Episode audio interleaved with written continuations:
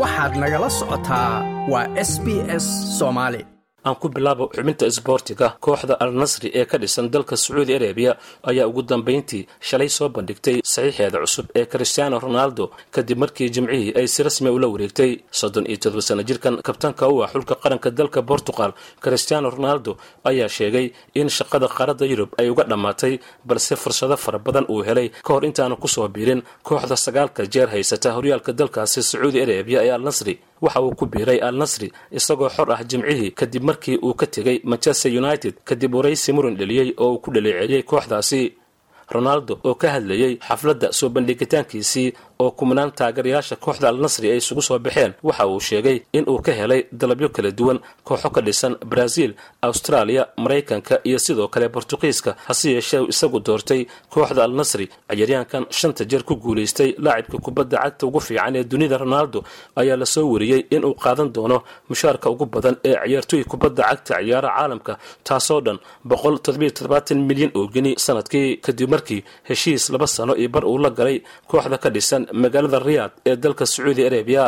Dhanka tenniskana ciyaaryahanka britishka ee tenniska ciyaara andy muray ayaa kulankiisii ugu horeeyey laga saaray kadib markii guuldaro uu kala kulmay. Ninka maraykanka u dhashay ee sebastian corda wareega koowaad ee tartanka tenniska adelaide international ee dalka australia ka socda. Sana jirkan u dhashay dalka britain islamarkaana kaalinta sagaaliyo afartanaad kaga jira qiimaynta dunida ayaa waxaa lagu garaacay sad gaaraya todoba lix todoba saddex lix saddex tennisyaanka edmundo ayaa isna waxa uu guuldaro ka qaatay tennisyaanka u dhashay dalka talyaaniga ee la yidhahdo janik siner isagoona kaga adkaaday sad gaaraya lix saddex lix labo.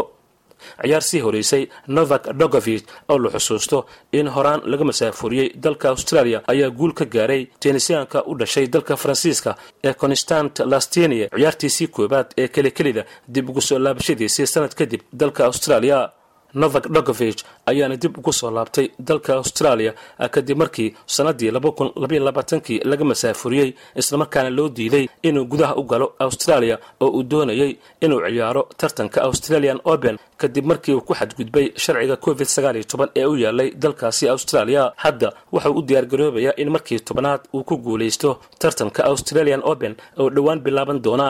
Dhanka kubadda cagtana kulamo ku tirsan horyaalka premier leaga ayaa xalay la ciyaaray. Kooxda brighton ayaa afar iyo hal waxay kaga adkaatay kooxda everton iyadoo guuldaradaasina ay culays sii saartay. Tababaraha kooxda everton ee frank lambard fulham ayaa gool eber kaga adkaatay. Leicester city iyadoo hogaamiyaasha horyaalka arsenal iyo newcastle united oo sanadkan wacdaro dhigaysa ay ku kala tageen barbadhac eber iyo eber laakiin manchester united oo guulo ku naaloonaysa kulamadii ugu dambeeyey ayaa saddex gool oo ay u kala dhaliyeen.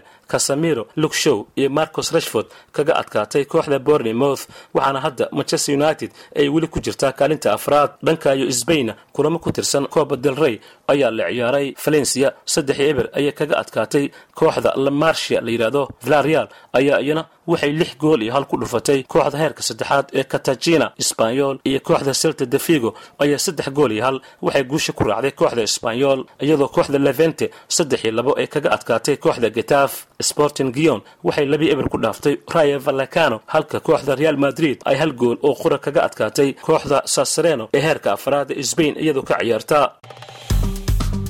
Like aas la wadaag wax ka dheh lana soco barta facebooka ee sb s somaali